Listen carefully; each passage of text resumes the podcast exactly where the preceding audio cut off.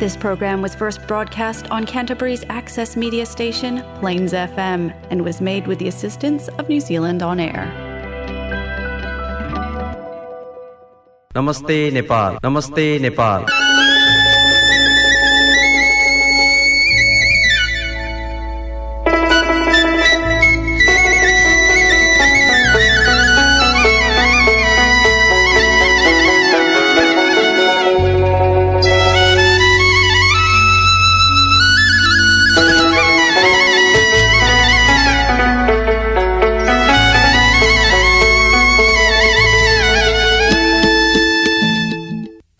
नमस्कार। Plains FM ninety six point nine मेगाजमा धेरै पछि यहाँहरूलाई भेटघाट गर्न रेस्ट यो रेडियोको स्टुडियोमा नै उपस्थित भइ नै सकेको छु। क्राइसिसमा रहेको प्लेन्स एफएमको स्टुडियोबाट सधैँ झैँ म विनोद यहाँहरूको घर आँगन रेडियो सेटमा उपस्थित भइ नै सकेको छु। Nepal New Zealand friendship society क्यान्टपुरीको प्रस्तुति कार्यक्रम। नमस्ते नेपालको। आजको यो पच्चिसदेखि तिस मिनटको यो रेडियो यात्रामा सधैँ झैँ साथ दिने प्रयास गर्नुहुन्छ होला भन्ने आशाका साथ। आजको भेटघाट अनि बसाइलाई रमाइलो बनाउने प्रयासमा जुटिरहेको छु। संसारकै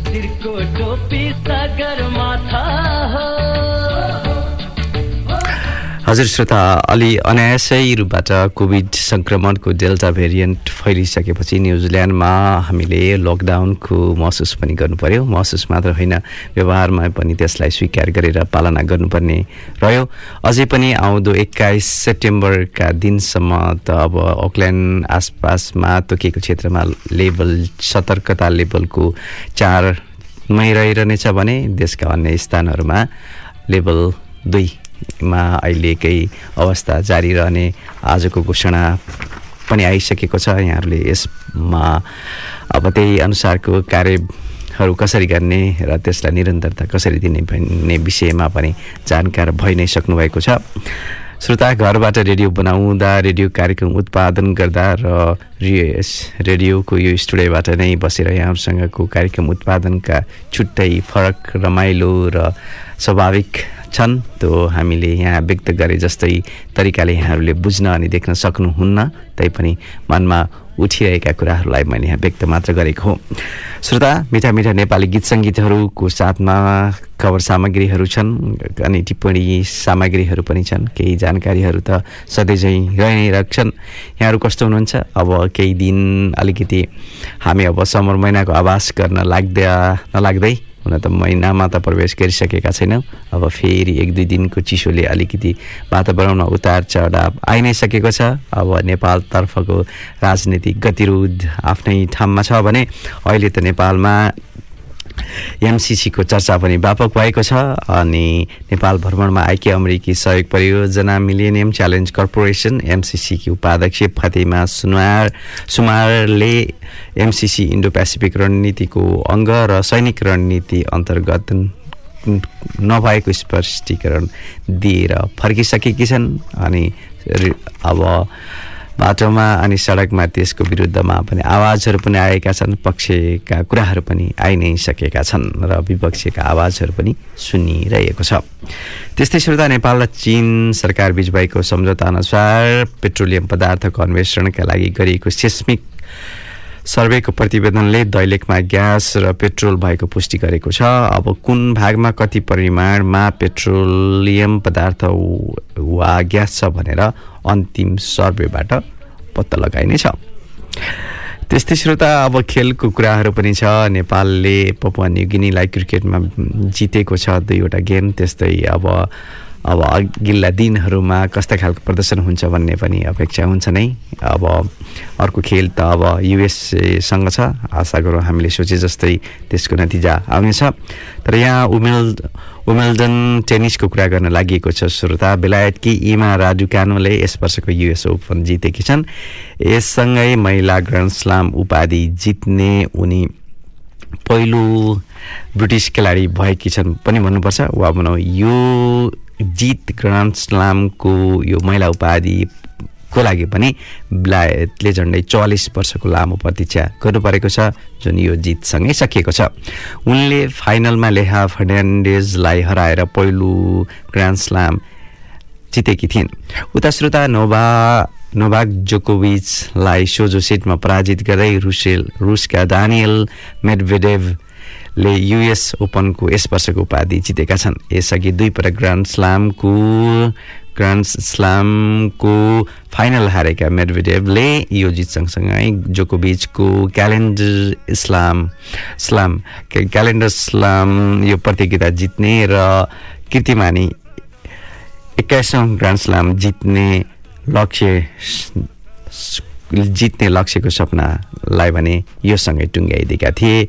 उनी सोझो सेटमा मेडभेडेभसँग पराजित भएका थिए।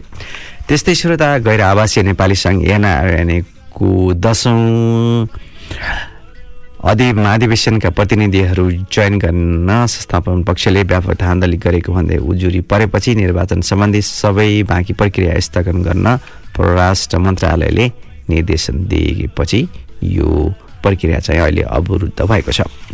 यो सँगसँगै श्रोता अन्य खालका खबरहरू पनि छ दुई दिनको रेडियोको बसाइमा अलिकति शब्द उच्चारणहरूमा कहिलेकाहीँ अप्ठ्यारो हुन्छन्। चिसोमा अहिले अलिकति थपेको चिसोले पनि त्यस्तै अप्ठ्यारो पारि नै रहेको छ।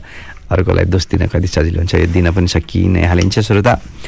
अब भने तिजको माहौल थियो। तिजमा हुन त छुटपुट रूपबाट अलिक सानो सानो समूहमा भेटघाटहरू भएर तिजका कार्यक्रमहरू पनि सम्पन्न भइ नै सकेका छन्। सोसाइटीले आयोजना गर्ने भनेको कार्यक्रम अब यो लकडाउनको पाबन्दीले गर्दाखेरि त्यो सम्पन्न हुन सकेन। त्यही पनि त्यो पाबन्दी खुलिसकेपछि support for development New Zealand नामको संस्थालाई अलिकति कतिलो अवसर मिल्यो भन्नुपर्छ। उहाँहरूले गत एघार गते सेप्टेम्बर एघारको दिनमा तिजको रमाइलो विशेष कार्यक्रम क्राइसिसमा सम्पन्न गर्नुभएको छ। दिदीबहिनीहरू कावेश सम्पन्न गरेको छु। कार्यक्रममा मिठा मिठा खानपान नाचगानका प्रस्तुतिहरू पनि थिए। त्यसले केही भए पनि अलिकति थोरै समूहका नेपाली दाज दिदीबहिनीहरूलाई तिज मनाउने र दाजुभाइहरूलाई पनि थपमा दर खानपानको स्वाद चाख्ने अवसर पनि मिलेको थियो। श्रोता यसरी आजको कार्यक्रमलाई यसरी नै उठान गरिसकेपछि अब यहाँहरूको लागि तिजसँगै जोडेको यो गीत हो हुन त यसले जीवनका हरेक पाटाहरूलाई उठान गर्न खोजेको छ। आउनुहोस् यो गीत नै अब यहाँहरूको लागि प्रस्तुत गर्दैछु।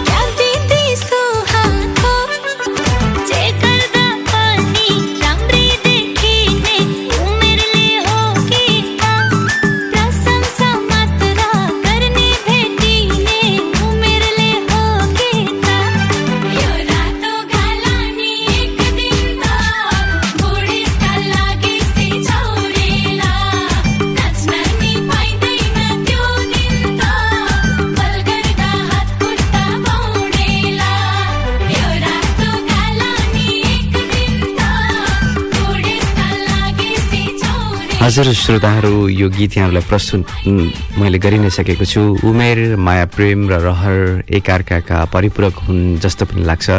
झन्डै अहिले उमेर युवा अवस्थामा गरिएका कुराहरू उमेर ढल्कँदै गर्दाखेरि सम्भव हुँदैनन् भन्ने खालको रमाइलो पारालाई यो गीत पनि प्रस्तुत गरिएको थियो। चाडपर्व अनि गीत सङ्गीतहरूका तारतम्य यस्तै तरिकाले पनि प्रस्तुत हुन्छन्। तैपनि जीवनका अन्य पाटाहरूलाई अनि पक्षहरूलाई पनि गीत सङ्गीतमा समावेश गरिएका हुन्छन्। त्यसैले त गीत सुन्नुको मजा पनि अर्कै खालको हुन्छ। यो गीतमा रमाइलो खालको गीतमा जीवनको भावार्थ व्यक्त गर्न खोजिएको खोजिने प्रयास गरिएको थियो। एलिना चौहान रचना रिमाल समीक्षा अधिकारी र बेनिसा पौडेलको यो गीत जतिखेर पनि हुन त तिजको लय शैलीमा भए पनि यो गीत जतिखेर पनि सुन्नु सुन्नु लाग्ने खालको छ। सायद यहाँहरूलाई पनि मन परेका गीतहरूमध्ये एउटा गीत यो पनि हो जस्तो लाग्छ। श्रोता हुन त विवाह अनि यस्तै रङ्ग रमाइलो विशेष गरी तिज जस्ता चाडपर्वहरूमा लगाउने पहिरनहरूको पनि आफ्नै खालको महत्त्व छ भनिन्छ। अनि विशेष गरी हामीले भर्खरै यो तिजको रङ्ग रमाइलोमा महिला दिदीबहिनी आमा भाउजू माइजूहरू अनि फुपूहरू सबैको पहिरनहरू अब त फेसबुकले पनि यहीँ त्यहीँ नजिक भेटघाट नभए पनि यसैबाट बसेर हेर्न देख्न पाउने पनि बनिएको छ। हामीले यस्तै खालको महसुस गऱ्यौँ होला। तर अलिकति फरक खालको प्रसङ्ग अलिकति अर्को पाटोको प्रसङ्ग यहाँ मैले जोड्न यहाँ भूमिका बनाउँदै गरेको थिएँ। पति जीवित हुँदा विधवा जस्तो लगाउने पहिरन लगाउने महिलाहरूको प्रसङ्गलाई यो तिजको यो रमाइलो गीतलाई पृष्ठभूमिमा बजाउँदै म यहाँलाई प्रस्तुत गर्न चाहेँ। हुन त श्रोता हिन्दू धर्म संस्कारमा विवाहित महिलाहरूको जीवनमा सिन्दुर चुरा पोते मेहेन्दी जस्ता चिजहरूले अर्थ राख्दछन्। पतिको मृत्यु भएकी मृत्यु भएकी अथवा विधवा महिलाले उल्लेखित श्रृङ्गारहरू श्रृङ्गारहरू लगाउनु हुँदैन भन्ने परम्परागत मान्यता पछिल्लो समयमा हुन त परिमार्जन हुँदै आए पनि केही वर्ष अघिसम्म यो अति नै अति नै समाजका कुना काप्चामा एकदमै अन्धविश्वासको रूपबाट रहिआएको थियो। तर अहिले पछिल्लो पटक के भएको छ भने श्रोता उता भारतको गछवा जातिको एक समुदायमा चाहिँ महिलाहरू आफ्नो पति जीवितै हुँदा समेत हरेक वर्ष केही समयका लागि विधवा जस्तै भन्दा रहेछन्। वास्तवमा के रहेछ त्यो कुरा भन्दा उक्त समुदायको नाम विध अ, यो गछवा जातिको हो र यो समूहमा महिलाहरूले लामो समयदेखि उक्त रीतिरिवाजको पालना गरिएका छन्।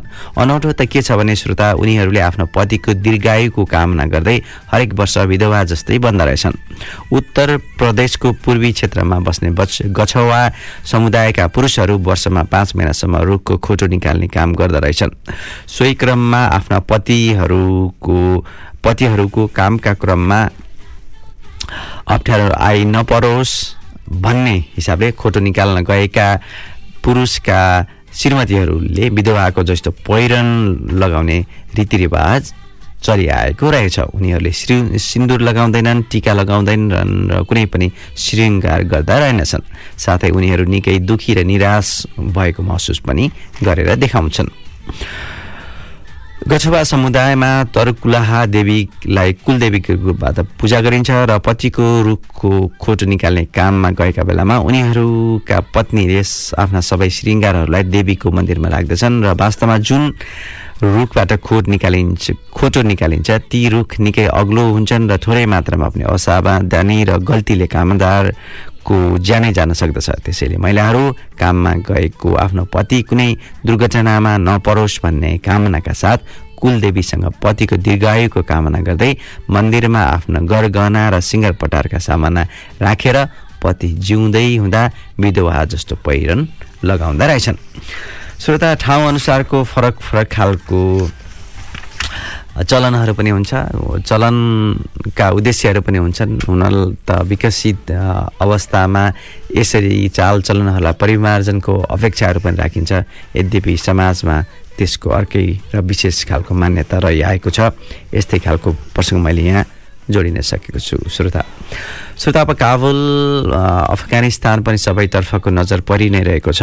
पर्ने पनि सु- भयो। अझै पनि हामी नेपालीहरूको लागि त अझ विशेष रूपबाट त्यहाँ नजर लगाउनै पर्ने हुन्छ। अझै पनि केही नेपालीहरू त्यहीँ अड्केर बसिरहनु भएको छ। स्वदेश फर्किने प्रतीक्षा गरिरहनु भएको छ। अब अहिले पछिल्लो पटक अफगानिस्तानको राजधानी काबुलमा चौतिस नेपालीहरू स्वदेश पर्खने पर्खाइमा बसिरहनु भएको छ फर्किने पर्खाइमा तालिबानले सत्ता कब्जा गरेपछि चौतिस नेपालीहरू घर फर्किने आशासहित विमानस्थल पुगेका भए पनि फर्किन भने पाएनन्। त्यसपछि उनीहरू ज्यान जोगाउँदै काबुल स्थित गुरुद्वारको आश्रममा पुगेका खबरहरू पाइरहेका छन् र उनीहरू विमानस्थलबाट निस्केको केही घन्टामा नै काबुलको अन्तर्राष्ट्रिय विमानस्थल अगाडि विस्फोटन भएको थियो र त्यहाँ कैयौँको हताहत र ज्यान गएको थियो जुन खबरबाट हामी पनि अवगत भइ नै सकेका थियौँ यस अगाडि। त्यसै श्रोता अहिले पछिल्लो पटक उता तालिबानहरूले आफ्नो पछिल्लो क्रममा नयाँ शिक्षा नीति सार्वजनिक गर्दै महिलाहरूलाई पनि र बालबालिकाहरूलाई पनि विद्यालय र विश्वविद्यालयको शिक्षामा प्रतिबन्ध लगाउँछन् कि भन्ने आशंका चलिरहेको बेलामा उनीहरूले नयाँ शिक्षाको सार्वजनिक गर्दै महिलाहरूलाई शिक्षा लिन र रोजगारीमा प्रतिबन्ध नलगाउने तर महिला र पुरुषहरू सँगै बसेर पढ्न नपाउने खालको शिक्षा नीति सार्वजनिक गरेका छन्। देशको प्राथमिक र माध्यमिक विद्यालयमा महिला र पुरुषहरूलाई अलग अलग शिक्षा दिने व्यवस्था मिलाउने भनेर तालिबानहरूले भनेका छन्। छात्राहरूले विशेष गरी महिला विद्यार्थीहरूले हिजाब वा भनौँ पुरै शरीर ढाकिने पोसाक लगाउनु पर्ने छ भने उनीहरूलाई पुरुष शिक्षकहरूले पर्दा पछाडिबाट बसेर मात्रै पढाउन सक्नेछन्। श्रोता यसरी यो नयाँ शिक्षाको शिक्षाको विषयको कुरा पनि गरेँ। तालिबानको प्रसङ्ग थियो श्रोता। हामीले यहाँ जोडि नै सकेका छौँ। आधुनिक अहिले अघि नै भनिसक्यो। आधुनिक सुविधा सम्पन्न स्थानहरूमा हामीले अन्य खालका स्वतन्त्रताहरू अप्नाइरहेको बेलामा शिक्षा स्वास्थ्य जस्तै लगेर सहभागिताको विषयमा पनि अहिले आवाज उठिरहेको छ। यस्तै बेलामा तालिबानहरूको नयाँ शिक्षाको व्यवस्था भनेर सार्वजनिक गरिएको छ जुनमा। अलिकति आशा देखिए पनि निराशाका थुरै थुप्रै थुप्रै अवस्थाहरू छन्। अब त्यसको परिमार्जनको लागि आगामी दिनमा केही पहलहरू हुन्छ होला भन्ने अनुमान मात्र गर्न सकिन्छ। हुन त श्रोता अहिले राजनीति रूपबाट समाज व्यक्तिहरू घर परिवारहरू साथीभाइहरू अलग अलग धारमा बाँधिएका बाँडिएका छन्। अहिले सँगै बसेकाहरू भोलि मात्र मिलेका छैनन् भोलि छुट्टिनेछन् र पनि केही वर्षदेखि मिलेर रहेकाहरू आज मात्रै टुक्रिएका छन् छुट्टिएका छन्। त्यसैले यो राजनीतिक विचारधारा आस्था भन्ने पनि कुराहरू अलग अलग हुन्छ। अन्तर्राष्ट्रिय पहिचान बनाइएका व्यक्तिहरू कति रूपबाट विवादास्पद पनि हुन्छन्। एउटा वाद र सिद्धान्तको आडमा उभिएर हेर्दाखेरि अब जे जस्तो भए पनि समग्रमा यो एउटा टिप्पणीको रूपबाट मात्र उठाउन खोजेको हो। अब यहाँहरूलाई थाहा भएकै कुरा श्रोता पेरुका कम्युनिस्ट पार्टीका नेता गोन्जालोको अवसान भएको छ। हुन त यस्तो लाग्छ श्रोता एक थान कुर्सीका लागि दिनदिनै पार्टी र गुट बदल्नेहरूका लागि गोन्जला गोन्जालोले नैतिक झापट भानिरहेका छन्। जुनसुकै पार्टीवाद नेतृत्व होस् नीतिको जमिनमा उभिनेलाई नै नैतिकताले काँच हुन्छ र अहिले हामीले गन्जालोका मृत्युपछि यी आवासहरू नेपाली राजनीति परिदृश्यमा हेरेर हामीले यस्तै खालका कुराहरू निहालिरहेका छौँ। आजीवन आजीवन कार्य कारावासको सजाय पाएका साइनिङ पाथ नामले बढी चर्चित पेरु कम्युनिस्ट पार्टीका नेता गन्जालोको उन्तिस वर्षको जेल जीवनपछि अर्स छ्यासी वर्षको उमेरमा गत शनिबार अवसान भएको छ। संसारमा माओवाद भन्ने पदावलीको प्रयोग सम्भवतः पेरुमा गुन्जालोले सुरु गरेका थिए भनेर कम्युनिस्ट आस्था विचारमा राख्नेहरूले भन्छन्। लियो प्याउ प्याउहरूले चिनमा माओवाद माओवादको प्रयोग गरेको कुरा गरे तर स्वयं माओवादीले नै त्यसलाई अस्वीकार गर्दै आएका थिए। पेरुमा सशस्त्र आन्दोलनको सफलतातर्फ उन्मुख भएको बेलामा गुन्जालोलाई फुजिमिजे फुजिमोरी सरकारले सन् उन्नाइस सय बयानब्बेको सेप्टेम्बर बाह्रमा पक्राउ गरी सैनिक जेलमा राखे यता उनी जेलमा नै थिए र गत शनिबार उनको मृत्यु भएको छ। माओवादलाई आदर्श मानेकाले त्यहाँ पनि गाउँबाट सहर घेर्ने रणनीति अवलम्बन गरेको थियो र उक्त युद्धमा झन्डै सत्तरी हजार नागरिकले ज्यान गुमाएका थिए। यसमा मैले भनि नै सकेको छु आस्थाको कुराभन्दा पनि विचार सिद्धान्त ले देखाउने नैतिकताको कुराको प्रसङ्ग पनि उठाउन खोजिएको छ। आफ्नो आस्थाभन्दा पनि समग्रताको कुरालाई ध्यानमा राखेर मैले यो प्रसङ्ग यहाँ उठाएको हो। हुन त भनिन्छ श्रोता प्रेमको व्याख्या गर्नेहरूले भन्छन् पाउनु मात्र प्रेम होइन गुमाउनु थप बढी प्रेम हो। लामो जेल जीवनमा गुन्जालोले कुनै पनि सम्झौता गरेनन् भनेर भनिन्छ। यस्तै खालको प्रसङ्गको साथ मैले यो प्रसङ्ग जोडि नै सकेको छु। श्रोता बेलुका आठ बजेदेखि Plains FM ninety six point nine mega हर्चमा सुरु भएको कार्यक्रम नमस्ते नेपाल। यहाँहरूको आफ्नै कार्यक्रम हो। यहाँहरूका पनि न्युजिल्यान्ड बसाइका अन्य अध्ययन अनुभव अनि अन्य क्रमका केही हामीसँग सल्लाह सुझाव अनि आफ्ना अनुभवहरू हामीसँग सेयर गर्न चाहनुहुन्छ भने हामीलाई Namaste Nepal Christchurch at Gmail dot कममा इमेल पठाउन सक्नुहुनेछ। व्यक्तिगत भेटघाटबाट त यहाँले मनज्ञहरूबाट पेटभरि मुखभरिका बातहरू हामीलाई सुनाउन भन्न सक्नुहुनेछ। त्यस्तै Namaste Nepal Christchurch New Zealand नामको फेसबुक पेजमा पनि हामीलाई भेटेर खोजेर भेट्न साथी बन्न सक्नुहुनेछ अनि त्यसपछि आफ्ना कुराहरू पनि भन्न चाहनुहुनेछ। त्यस्तै श्रोता हामीले पछिल्लो क्रममा नेपाली साहित्य समाज न्युजिल्यान्डको संयोजनमा हामीले नेपाली शब्दहरूको विषयमा जानकारी दिने अनि त्यसको तात्पर्यतालाई अलिकति पुनर्जागरण पुनर्नवीकरण गर्ने प्रयास गर्ने प्रयास गर्दै आइरहेका छौँ। यसै क्रममा लुने शब्द र दुई पत्ताल दुई शब्दहरूको अर्थ शब्दार्थ लिएर आज आएको छु। लुने भन्नाले ससाना पात्र रातो डाँट हुने एक जातको साग हो जसलाई लुनेको साग भनेर हामीले गाउँघरमा खाँदै आएको हामीलाई अझै पनि त्यसको स्वाद बाँकी नै छ। कहिलेकाहीँ यतै पनि अकल झुकल हामीले लुनेको साग खाने गरेका छौँ। त्यस्तै श्रोता ढिँडो खोले आदि पकाइने मुख फराक भएको र बिँड नभएको भाँडो जसलाई भुजङ्गो पनि भनिन्छ त्यसलाई पनि हामीले लुडेको रूपबाट बुझिन्छ। त्यस्तै श्रोता धोइ पत्ताल भन्ने शब्द ज्यादै लागि परेर कुनै कुराको खोजी गर्ने कामलाई दुई पत्ताल भनिन्छ। पातालमै उधिनु उधिनुलाई भने जसो गरेर खोज्ने कामलाई दुई पत्ताल भनिन्छ एक किसिमको खोजाइको प्रतीत हो श्रोता यो। यसरी नेपाली साहित्य समाज न्युजिल्यान्डलाई यसरी हामीलाई यी शब्दहरूको तात्पर्यहरू उपलब्ध गराइदिनु भएकोमा यहाँहरूलाई हृदयदेखि नै धन्यवाद दिन चाहन्छु। अझ दोहोऱ्याउनु पर्ने अवस्था छ। श्रोता यस्तै अब जाँदा जाँदै अब कार्यक्रमको उत्तरार्धमा पनि जाँदा जाँदै म यहाँहरूलाई यो हप्ता परेका विशेष दिनहरूको चर्चा गर्न चाहेँ। बिहिबार आउँदो बिहिबार सेप्टेम्बर सोह्र तारिक विश्वमा ओजन त बचाउ दिवस पनि परेको छ। ओजन विनाश कुल्रो फ्लो कार्बन कार्बन लगायतका अन्य विभिन्न चौरानब्बेवटा रसायनहरूको उत्पादनमा नियन्त्रण यसको मूल मर्मसँग जोडिएकै हुन्छ। विश्व ओजन त बचाउ दिवस। सन् दुई हजार एक्काइसको यस दिवसको नारा चाहिँ Montreal protocol keeping us our foods and vaccine cool रहेको छ। पृथ्वीको वातावरणीय तमाथि करिब पन्ध्रदेखि तिस किलोमिटर माथि रहेको ओजन एउटा रक्षात्मक कवच हो।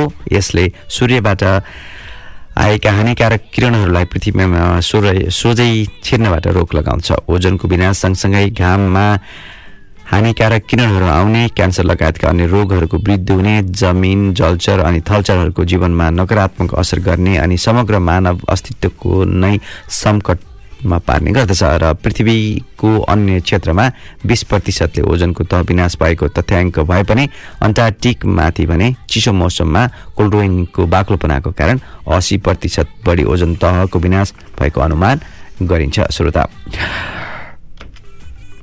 श्रोता अब कार्यक्रमको अन्तिम चरणमा आउँदा आउँदा गर्दाखेरि यहाँलाई एउटा सानो सन्देश सुनाउन मन लाग्यो।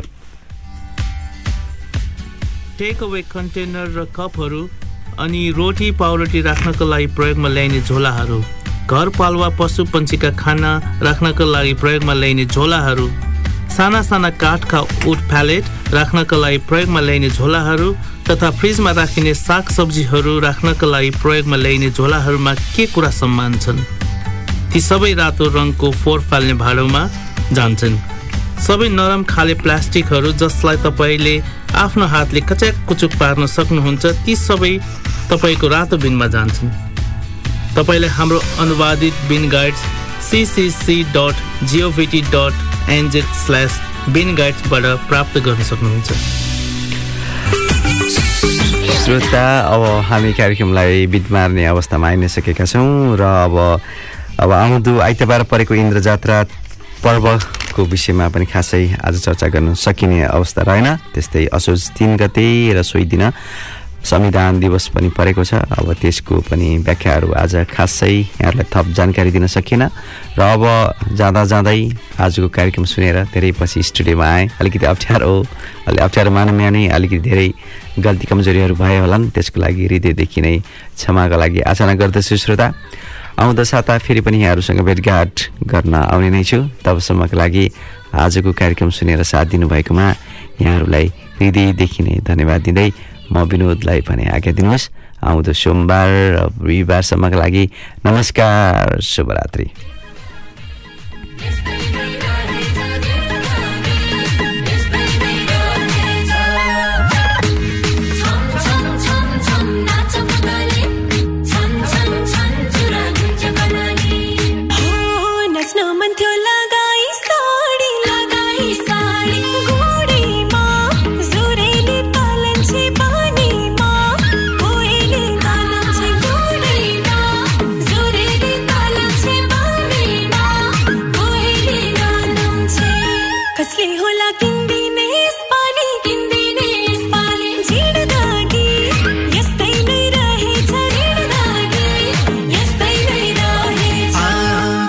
बस्यौ ऐनामा हेरी ऐनामा हेरी आलीमा भङ्गेरी फुलेछ कोठीमा। यो मन फलेछ आलीमा भङ्गेरी फुलेछ कोठीमा। यो मन भुलेछ साडी किन्न सपिङ गई जम्ला सपिङ गई जम्ला। जिर्दगी यस्तै नै रहेछ जिर्दगी यस्तै नै रहेछ नमस्ते नेपाल नमस्ते नेपाल।